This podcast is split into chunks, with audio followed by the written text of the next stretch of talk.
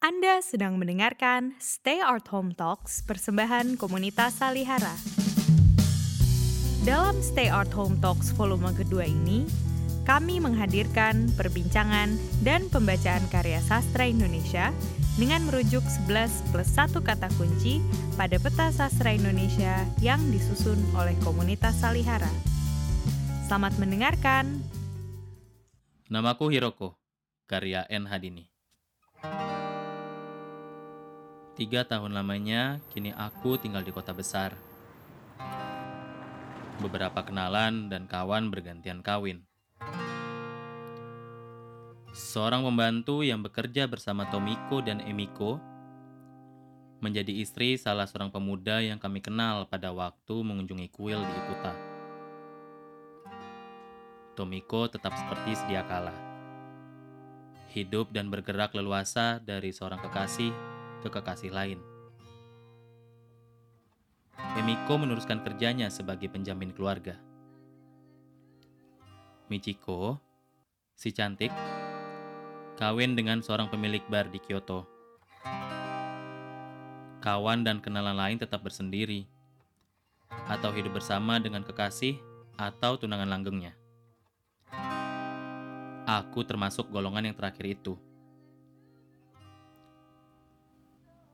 Sebulan lagi Suprapto akan meninggalkan Jepang.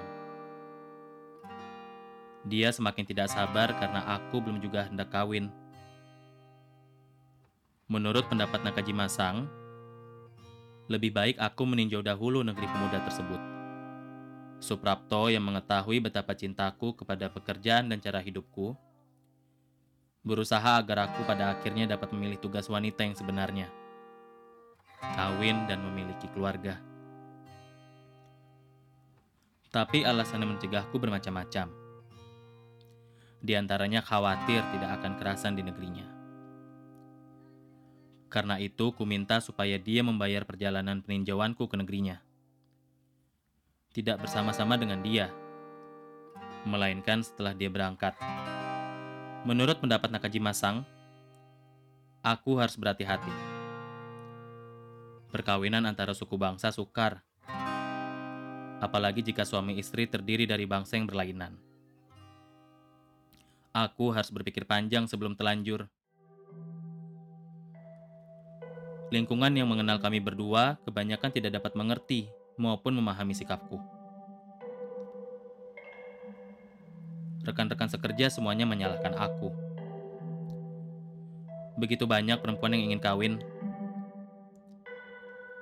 kebanyakan tanpa melihat lebih jauh hanya karena takut kesepian hidup bersendiri, atau hanya mengharapkan jaminan kesejahteraan hidup secukupnya,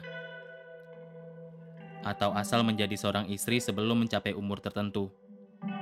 Perkawinan demikian biasanya terdampar, mengakibatkan kehidupan-kehidupan seperti apa yang dialami Emiko. Perceraian atau setengah perceraian, istri-istri atau perempuan-perempuan yang pahit dan suram pandangannya terhadap keakanan hidup maupun terhadap perkawinan itu sendiri. Kadang-kadang juga terhadap laki-laki sebagai sasaran utama, tempat segala kesalahan dan kegagalan hidup ditimpakan. Di negeriku, waktu itu kedudukan wanita jauh di bawah laki-laki. Baik dalam tata cara adat maupun undang-undang. Sejauh ingatanku, selama di desa aku tidak memandang hal itu sebagai sesuatu yang aneh atau menyimpang dari kebiasaan Aku menerimanya seperti juga menerima kebanyakan hal lainnya. Keluar dari rengkuhan keluarga, bekerja dari satu kota ke kota lain, bertambah luasnya lingkungan pergaulan. Aku baru melihat kepincangan-kepincangan yang semula tidak kuperhatikan. Benarlah, wanita juga berhak memperoleh perlakuan sewajarnya sebagaimana laki-laki tetapi bukan disebabkan oleh pendapat tersebut jika aku menolak lamaran Suprapto. Kami telah hidup bersama. Menurut adat pergaulan sopan, kami mendapat sebutan bertunangan. Perkawinan yang selalu kutangguhkan beberapa kali memang pernah kuinginkan. Sebagai hasil dari pengaruh di luar diriku. Tetapi keraguan-raguan menghadapi kesukaran hari depan lebih besar daripada keinginan itu. Ada kawan-kawan yang mengatakan itu dipikirkan kelak. Bagiku perkataan kelak itu berada jauh di luar tanah air, di lingkungan yang berbeda. Barangkali tanpa kawan karib yang dapat memberi dorongan pikiran. Barangkali pula bahwa tanpa jaminan kebendaan seperti yang selalu kukhawatirkan. Juga aku mulai melihat kesalahan-kesalahan yang merawankan dasar ikatanku terhadap Suprapto. Barangkali itu merupakan hal yang kecil, yang tidak berarti bagi calon-calon istri lainnya. Tetapi bagiku hal yang kecil-kecil pun, yang terjadi sehari-hari, amat mempengaruhi pergaulan suami istri. Jika pasangan tersebut mengharap dapat hidup bersama seterusnya, Justru kepanjangan waktu itu terdiri dari beribu saat setiap hari. Dari kumpulan kejadian sepele yang biasanya diabaikan oleh kebanyakan lelaki dan perempuan. Sifatku yang demikian mungkin merupakan cacat, kekurangan, tetapi aku merasa beruntung memilikinya. Karena aku menghargai hal yang sekecil-kecilnya pun, juga aku mencela kekurangan yang selembut-lembutnya pun. Sejak bulan-bulan terakhir itu Suprapto menjadi gemuk. Tubuhnya yang sedang kelihatan mengerut pendek. Seolah-olah kesenangan, karena telah bebas dari keruwetan-keruwetan pelajaran dan kesukaran bersekolah. Badannya kini mengembang segar, menandakan hidup berkecukupan. Berlawanan denganku, dia tidak memperhatikan pilihan makanan kami jarang bertemu untuk makan siang. Jadi aku tidak dapat mengingatkannya. Jika kebetulan ada percakapan yang terarah ke sana, dan aku menyebut-nyebut soal kelangsingan badan, dalam caranya yang khas dia hanya memberi komentar, Aku masih muda. Mengapa bersusah payah memikirkan makanan? Biar gemuk. Laki-laki boleh gemuk. Kalau perempuan, jadi jelek. Bagiku itu telah cukup. Dan aku tidak pernah lagi menegurnya. Aku sendiri tidak suka menjadi gemuk. Kebetulan pula pekerjaanku mewajibkan bertubuh ramping. Sejak tinggal di kota ini memang badanku tambah berisi. Namun cukup dan sesuai dengan tinggi badanku. Setelah pakaianku kurasakan lebih sesak, maka sebelum naik ke atas timbangan di toko atau di rumah-rumah obat, aku telah yakin bahwa berat badanku naik 1 atau 2 kilo. Karenanya aku mewajibkan diri memperhatikan semua yang kumakan, tidak membiarkan nafsu semau-maunya. Tetapi tidak menghalangiku buat kadang-kadang keluar dari kebiasaan. Memilih makanan yang kusukai tanpa memikirkan banyaknya lemak, tepung, maupun gula yang terkandung di dalamnya. Hal semacam itu pun tergantung kepada dapat tidaknya seseorang membatasi diri. Dengan demikian, aku tidak menyalahi pikiranku sebagai manusia yang hendak memuaskan diri selagi muda. Selagi memiliki alat untuk mendapat sebagian kepuasan itu. Kembali lagi di Stay Art Home Talks, episode NH Dini dan Dunia Perempuan. Kita baru saja mendengarkan pembacaan cuplikan karya NH Dini, Namaku Hiroko. Saya Rebecca Keisha hari ini akan berbincang dengan Ayu Utami, penulis dan juga kurator sastra di komunitas Salihara. Halo Mbak Ayu. Halo Beka. Apa kabar? Baik-baik tentu saja. Yeah. Jadi kita uh, sekarang akan berbincang mengenai karya dan penulis perempuan Indonesia yang penting uh, Nur Hayati Sri Hardini Siti Nukatin atau akrab disapa NH Dini. Nah, uh, selain membahas karya-karya NH Dini pada gelanggang sastra masa uh, tahun 1950-an, kita juga mau uh, membahas pantulannya dengan kondisi sastra kita hari ini dan juga perspektif dari Mbak Ayu sebagai penulis juga. Nah, NH Dini ini kan salah satu penulis perempuan yang pada masa kemunculannya mendapat perhatian uh, banyak perhatian gitu dari penulis lain, media-media sastra yang uh, penting, juga kritikus sastra, salah satunya HB Yasin. Cerpen pertamanya ia tulis ketika SMA dan dimuat di majalah sastra yang penting saat itu. Nah, jadi aku akan mulai bertanya sebenarnya ngobrolnya ini dari kita tahu nggak terlalu banyak ada catatan Bayu atau uh, pengulasan karya-karya penulis perempuan baik pada masa itu mungkin kalau sekarang sudah lebih banyak gitu. Nah uh, dengan kaitannya akan hal tersebut bisakah Mbak Ayu berbagi kepada kami bagaimana sih kita melihat pemetaan pemikiran penulis perempuan yang salah satunya kita bicarakan hari ini NH Dini ada nggak kaitan antara karya-karya penulis uh, sebelum NH Dini kita tahu ada beberapa nama yang uh, cukup dikenal seperti Suwarsi, Selasi dan lain-lain uh, dengan karya dan uh, kepenulisan NH Dini. Iya betul sekali Beka bahwa uh, sering kali nama-nama penulis perempuan itu seperti dihilangkan dari sejarah kesusastraan Indonesia ya. Hmm. Nah dalam hal ini NH Dini itu menarik untuk kita lihat Uh, pertama dia memang banyak atau mulai muncul terkenalnya itu di tahun di masa Orde Baru sebenarnya kan ya. Mm. Uh, meskipun dia menulis uh, cerpen sejak sebelumnya waktu dia masih remaja tapi uh, buku-bukunya menjadi sangat dikenal dan cukup fenomenal itu di masa periode Orde Baru. Mm. Nah, ini mungkin perlu menjadi catatan. Uh, bahwa sesungguhnya ada suatu patahan atau perubahan paradigma, perubahan politik yang sangat besar uh, dari masa Soekarno Orde Lama kepada masa Soeharto Orde Baru, uh, di mana ada perubahan uh, para penulis juga yang dikenal ya. Jadi hmm. uh, kita tahu misalnya nama-nama seperti Rukiah Kertapati, ya. uh, seorang penulis dari tahun uh, 60-an yang memang dekat dengan Partai Komunis, dekat dengan Lekra Eh, tokoh-tokoh uh, seperti Rukiah ini kemudian hilang dari peta kesusastraan Indonesia karena mereka dekat dengan uh, Lekra. Jadi kita bayangkan bahwa uh, eh, NH Dini ini muncul di satu zaman yang memang baru sama sekali. Uh, ada revolusi ya kira-kira kita perubahan yang sangat besar. Nah dan di masa itu mungkin yang kita bisa lihat karena ada patahan.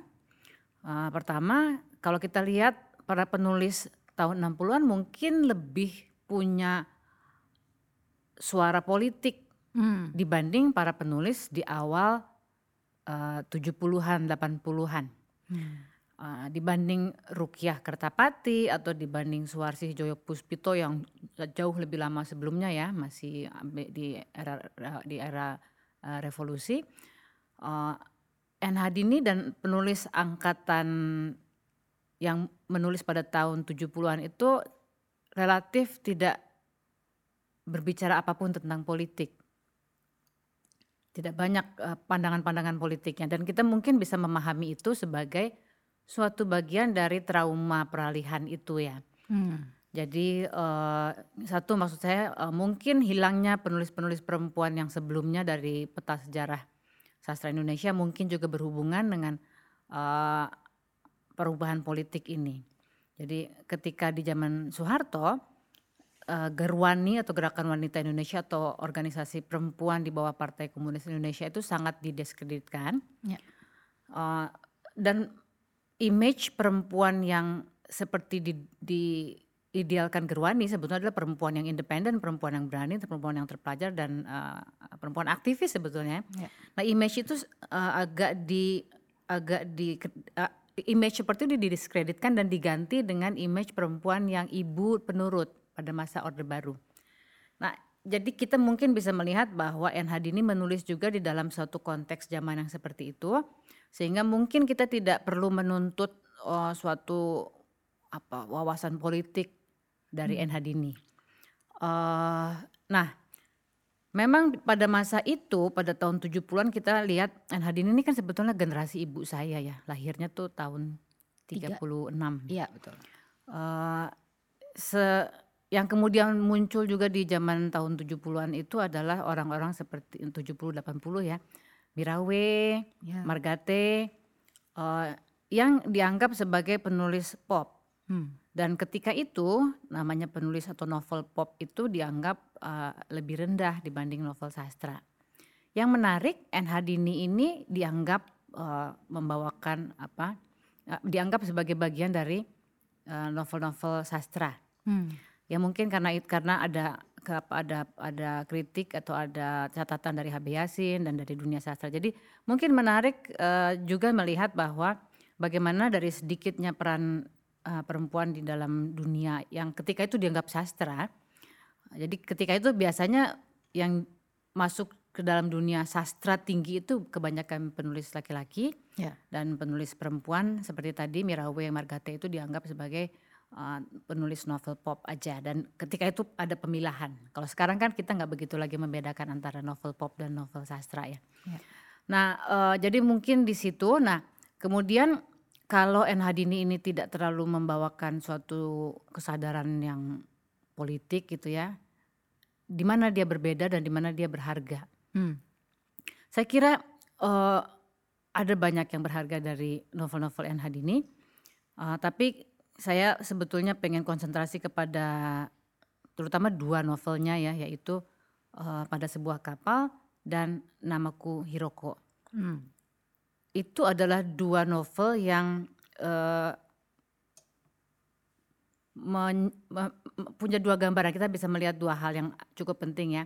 Yang pertama adalah kita bisa melihat bagaimana potret uh, perempuan yang masih di dalam sisa-sisa atau masih dalam suasana tradisional beralih masuk ke dunia modern di mana perempuan bekerja uh, dan dunia modern awal pekerjaan perempuan masih ter uh, masih di dalam hierarki yang agak di bawah gitu ya bukan dia tidak jadi direktur tapi dia jadi pegawai aja gitu. Jadi kita lihat zaman itu uh, perempuan itu belum menempati posisi-posisi yang tinggi dalam sebuah uh, institusi atau perusahaan. Jadi statusnya perempuan bekerja tapi nanti dia akan tergantung pada laki-laki. Kalau dalam pada sebuah kapal dia menjadi istri seorang diplomat, uh, setelah dia menjadi wartawan atau uh, melamar sebagai pramugari gitu ya, itu ya. pekerjaan yang juga baru pada masa itu Uh, kalau pada namaku Hiroko ini uh, tokohnya seorang Jepang dia masuk ke dunia kerja jadi buruh tapi akhirnya dia jadi hostess dan akhirnya dia jadi ia mendapatkan uh, kehidupan yang baik men karena menjadi semacam gundik atau simpanan dari seorang laki-laki.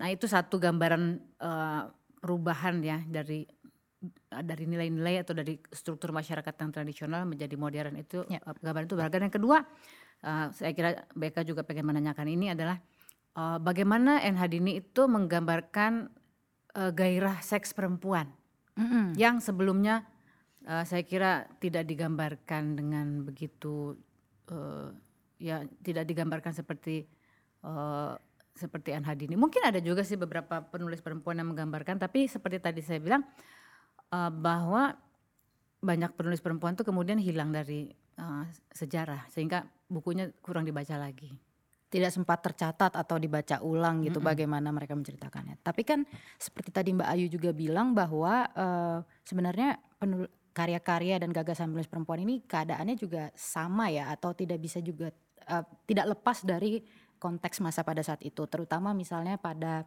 uh, bentuk sensor yang muncul dari uh, gagasan yang berkuasa gitu pasti. Nah, uh, ada perubahan yang Mbak sebutkan. Mungkin buat teman-teman yang uh, tidak begitu akrab dengan karya-karya penulis perempuan lain yang tadi Mbak sebutkan. Kalau saya sedikit membaca misalnya Rukia dengan uh, NH Dini, tetap ada perdebatan atau masalah-masalah perempuan pada Rukia tapi dalam konteks uh, sosial politik kira-kira begitu ya. Nah NH Dini ini kan uh, menawarkan cara pandang perempuan dan masalah-masalahnya salah satunya seks seperti yang Mbak Ayu bilang uh, lewat pendekatan yang buat sebagian orang dinilai uh, tidak kaya gitu Mbak karena dia refleksi atas kehidupan pribadinya gitu. Jadi dilihat sempit sekali itu misalnya dibandingkan dengan karya-karya yang bicara bisa dalam konteks sosial politik yang luas gitu dan kebutuhan orang banyak. Padahal kan kita tahu kadang-kadang pendekatan yang lunak ini juga penting untuk melihat sisi-sisi yang tidak pernah bisa dibicarakan gitu karena ada tadi uh, kekuasaan apa narasi yang menguasai lah kira-kira gitu. Nah uh, mengenai hal itu aku juga jadi uh, penasaran karena tadi Mbak Ayu udah bilang gitu. Bagaimana sih kira-kira Mbak uh, ciri uh, ciri penting dari pemikiran feminisme NHD ini mungkin yang bisa dia uh, sebutkan atau diekspresikan lewat hubungan uh, perempuan dengan laki-laki baik dalam hal seksual maupun dalam sosial. Uh, tadi sedikit sudah dalam ruang pekerjaan atau ruang publik, tapi hal-hal uh, lainnya kalau misalnya ada yang Mbak Ayu temukan untuk dibagi. Saya tidak tahu apakah NH Dini akan menyebut dirinya feminis ya ketika itu kan hmm. kan belum ada uh, ketika NH Dini menulis teori feminis itu kan belum masuk ya. Hmm. Bahkan ketika saya bertumbuh tuh juga teori feminis belum masuk. Jadi apakah kita pantas uh, mengatakan atau mencari apa pemikiran, uh, pemikiran feminis. feminis ya. Tapi kira-kira kita lihat dari kepentingan kalau katakanlah ya feminis feminis sebagai suatu uh, suatu usaha memberikan suara pada perempuan gitu ya. Mm. Tadi saya bilang uh, yang penting yang saya kira sangat penting pada NH Dini adalah uh, penggambarannya mengenai sensualitas perempuan. Hmm. Ya tadi kita tahu bahwa uh, uh, kalau dari segi apa wawasan politik mungkin tidak banyak kita temukan pada NH Dini, tapi kita juga tidak perlu menuntut itu. Ada ada apa ada elemen dan ada peran lain yang lebih yang penting juga yaitu uh, ia menghargai. Misalnya kadang-kadang kan uh, sebagai feminis kadang-kadang kita dituntut mana peran suara politik gitu ya. ya. Padahal itu nggak harus begitu ya. Penting tapi tidak harus semua itu bersuara di bidang politik. Ya. Uh, saya kira bagus bahwa NH Dini mengungkapkan uh, apa sensualitas perempuan dan di situ kan kita biasanya kan kalau zaman dulu tuh kalau lihat perempuan tuh im image-nya adalah perempuan yang setia. Hmm, betul. Yang apa berkorban untuk laki-laki, untuk keluarga gitu ya. Jadi tokohnya NH Dini ini uh, tidak begitu. Hmm. Kalau pada sebuah kapal si tokoh ini memang dia masih tradisional, digambarkan memang dari keluarga tradisional. Dia masih mengemban nilai-nilai tradisional tentang keperawanan, tentang ke uh, kesetiaan ya. Tapi uh, digambarkan bahwa dia mulai tertarik pada laki-laki dan akhirnya dia juga uh, apa dia ber, berhubungan seks sebelum menikah hmm. uh, dengan calon suaminya yang kemudian meninggal dan kemudian ada petualangan-petualangan lain yang yang yang secara sebagai sebagai penggambaran tuh bagus untuk melihat bahwa ini kita harus ingat konteks zamannya ya iya, konteks yeah, zaman yeah. ketika itu adalah masih memandang perempuan ini sebagai makhluk yang pasif yang tidak punya hasrat seks. Jadi penggambaran yang dilakukan NH Dini itu penting sekali untuk zaman itu. Ya.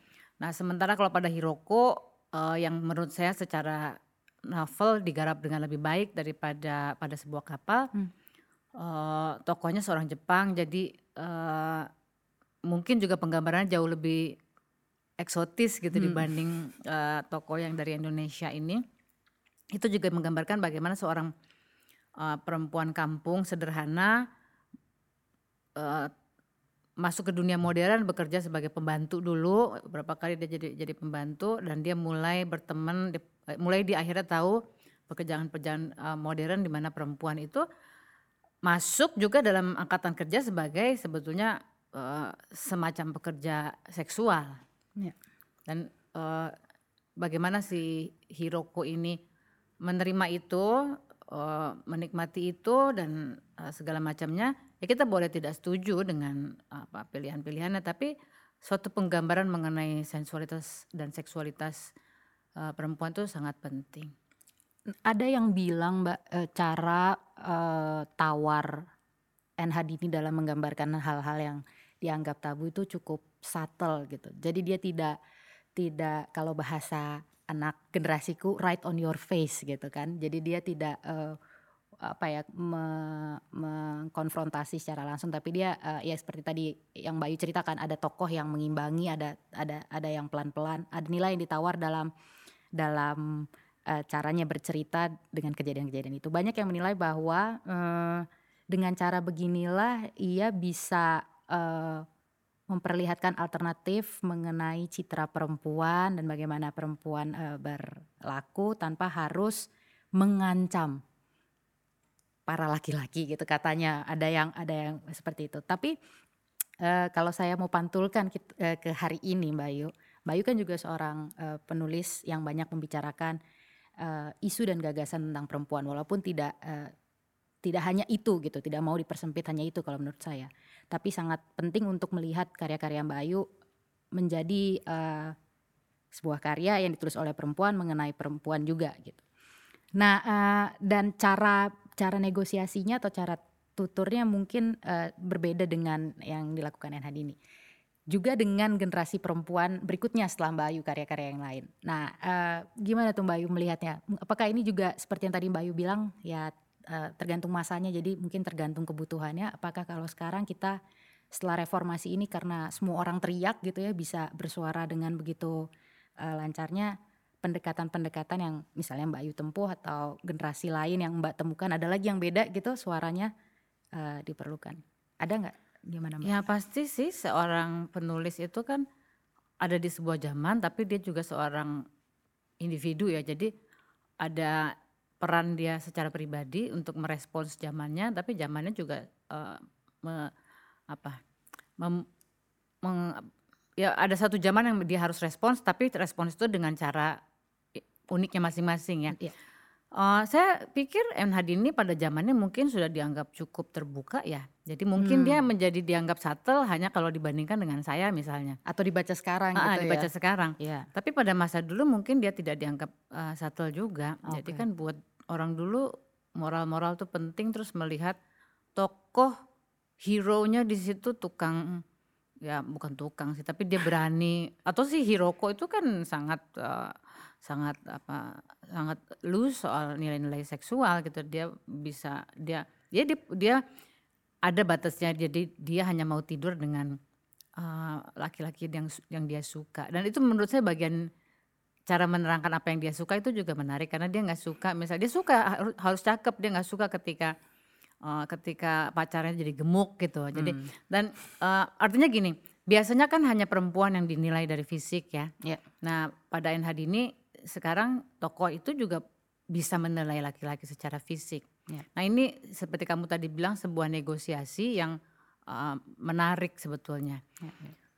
Nah memang saya kira kalau saya nah, menariknya gini, sesungguhnya kan uh, saya tidak menulis karena di, saya tidak menulis seksualitas di, di, karena dipengaruhi Anhadini ya. ya. Uh, jadi gini bayangan saya, mungkin kita tidak fair membandingkan satu penulis perempuan dengan penulis perempuan di masa lalu atau masa sebelumnya, karena mungkin sejarahnya tidak seca terjadi secara linear. Hmm. Yang terjadi adalah penulis perempuan menulis dan kemudian barangkali bukunya tidak lagi dibaca secara masif di zaman berikutnya Terus muncullah penulis perempuan lain yang merespons zaman, tapi tidak merespons karya si penulis perempuan sebelumnya. Jadi sejarahnya tidak terjadi secara estafet, hmm. ya. Uh, jadi saya kira juga gitu. Uh, saya kan baca NH Dini, ya pernah baca yang dulu, uh, tapi mungkin pada masa saya itu tidak menjadi sesuatu yang sangat baru lagi ya. Dan pada masa saya, saya merasa ada satu apa uh, tantangan yang lain yang perlu dijawab dengan cara lain juga. Hmm. Mungkin eh, terakhir nih Mbak sekalian merangkum dan kembali lagi sebenarnya ke awal yang Mbak Ayu sebutkan. Artinya eh, walaupun isu tidak bisa dipandang linear atau selalu kausal begitu ya Mbak, tapi apa yang dilakukan oleh uh, orang yang sebelum kita itu mungkin bisa dibilang sebenarnya membuka akses aja gitu ya Mbak ya. Jadi dia dalam artian uh, memung memungkinkan yang berikutnya bukan menulis hal yang sama atau melanjutkan tapi uh, ada presidennya lah kira-kira uh, dari segi uh, kekaryaan gitu kayak dan yang saya mau tuju sebenarnya adalah untuk teman-teman yang sedang mendengarkan baik itu yang mau jadi penulis penulis perempuan maupun laki-laki uh, tapi terutama untuk mencatat gagasan penulis perempuan penting nggak Mbak untuk kita membaca ulang kembali dan uh, mencatat gitu penulis-penulis sebelum kita untuk modal uh, ke depannya gitu? Membaca penulis sebelumnya dan mencatatnya itu sangat penting. Hmm. Tapi bukan hanya untuk sastrawan atau untuk orang yang mau menulis novel, tapi untuk semua kita yang pengen masyarakat ini cerdas. Ya. Jadi siapa pun itu kita memang perlu membaca para pemikir terdahulu ya. Nah mungkin para pemikiran yang melalui kesusastraan itu ya dengan sendirinya akan lebih dekat dibaca oleh para sastrawan atau para kritikus sastra. Hmm. Jadi uh, karena ya kita kan merawat pemikiran yang ada di dunia sastra, sementara mungkin saintis merawat pemikiran yang ada di dunia saintis gitu ya. Jadi tetap perlu, uh, tapi gini maksud saya adalah mungkin kadang-kadang kan buku yang buku, suatu karya, apakah itu karya sastra atau karya cerita apa pun ya uh, punya jalan lain ya. Jadi ya dia dia mungkin nggak baca banyak penulis yang nggak baca penulis sebelumnya. Ya. Tapi toh dia merespons zamannya dan dia me me menghasilkan satu karya yang berhasil. Ya. Gak apa-apa, itu sah. Nah, kita yang bekerja di dunia kesusastraan baik menjadi kritikus sastra atau jadi kurator sastra atau jadi uh, penyelenggara acara sastra itulah yang sebetulnya punya kepentingan paling langsung untuk memelihara pemikiran yang ada di dunia sastra itu. Uh, kan kita memungut oh ada anak baru ada penulis baru uh, kemuncul tapi mungkin dia mungkin orang ini naif aja dengan dia nggak baca sama sekali uh, karya sebelumnya. Ya tadi saya saya bilang bahwa karena mungkin karya sebelumnya tidak terakses. Ya. Uh, apa pelestarian karya itu sendiri tidak tidak terjadi dengan baik gitu ya. Nah jadi proses uh, pe, pe, penggabungan atau analisisnya itu terjadinya mungkin bukan oleh si sastrawannya tetapi oleh para pekerja di dunia sastra. Tapi dengan demikian sangat penting untuk selalu membaca ulang uh, para penulis sebelumnya. Dan dalam hal ini kita sangat perlu membaca kembali para penulis-penulis perempuan karena sudah pasti kita kita melakukan banyak hal yang kita pikir baru kita lakukan gitu ya. Padahal ya. dari dulu mereka sudah lakukan. Misalnya kan uh, bagaimana dulu kita merasa harus kampanye lagi tentang kenapa misalnya sekarang soal poligami aja lah ya. Hmm. Itu kan sebetulnya zaman Kartini udah nulis soal itu, terus zaman uh, apa Hari Ibu, uh, bukan Hari Ibu, Hari Perempuan, perempuan-perempuan aktivis sudah ngomong soal itu, iya. konferensi perempuan. Jadi kalau kita baca penulis-penulis sebelumnya, khususnya misalnya dalam hal ini penulis perempuan, kita akan kaget bahwa apa yang kita perjuangkan sekarang itu sudah mereka bicarakan. Betul. Dan kenapa kita masih memperjuangkannya? Ya mungkin karena hal-hal yang mereka bicarakan itu betul-betul belum betul-betul diselesaikan dan pemikiran mereka suka dihilangkan. Ya. Jadi, Jadi kita harus membaca ulang dan untuk tidak menghilangkan atau membuat itu hidup lagi. Penting juga untuk menambah, memperkaya gagasan yang mereka bicarakan itu dari Betul. sudut pandang saya misalnya atau generasi berikutnya, gitu ya Mbak? Betul sekali. Oke. Agar kita tidak mengulangi terus perjuangan yang seharusnya sudah selesai. Iya. Baiklah Mbak Ayu, terima kasih banyak atas uh, sharing poin-poin yang menarik. Saya pikir untuk teman-teman yang belum punya kesempatan membaca NH Dini setelah ini bisa langsung membaca. Dan ini tidak hanya memperkaya yang belum tahu, tapi juga yang sudah pernah baca gitu ya, seperti saya. Jadi mau lihat lagi seperti apa ya gagasan NH Dini, mungkin ada yang terlewat.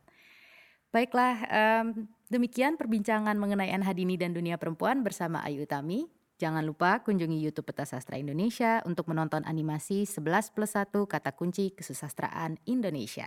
Sampai jumpa di Stay Art Home Talks berikutnya.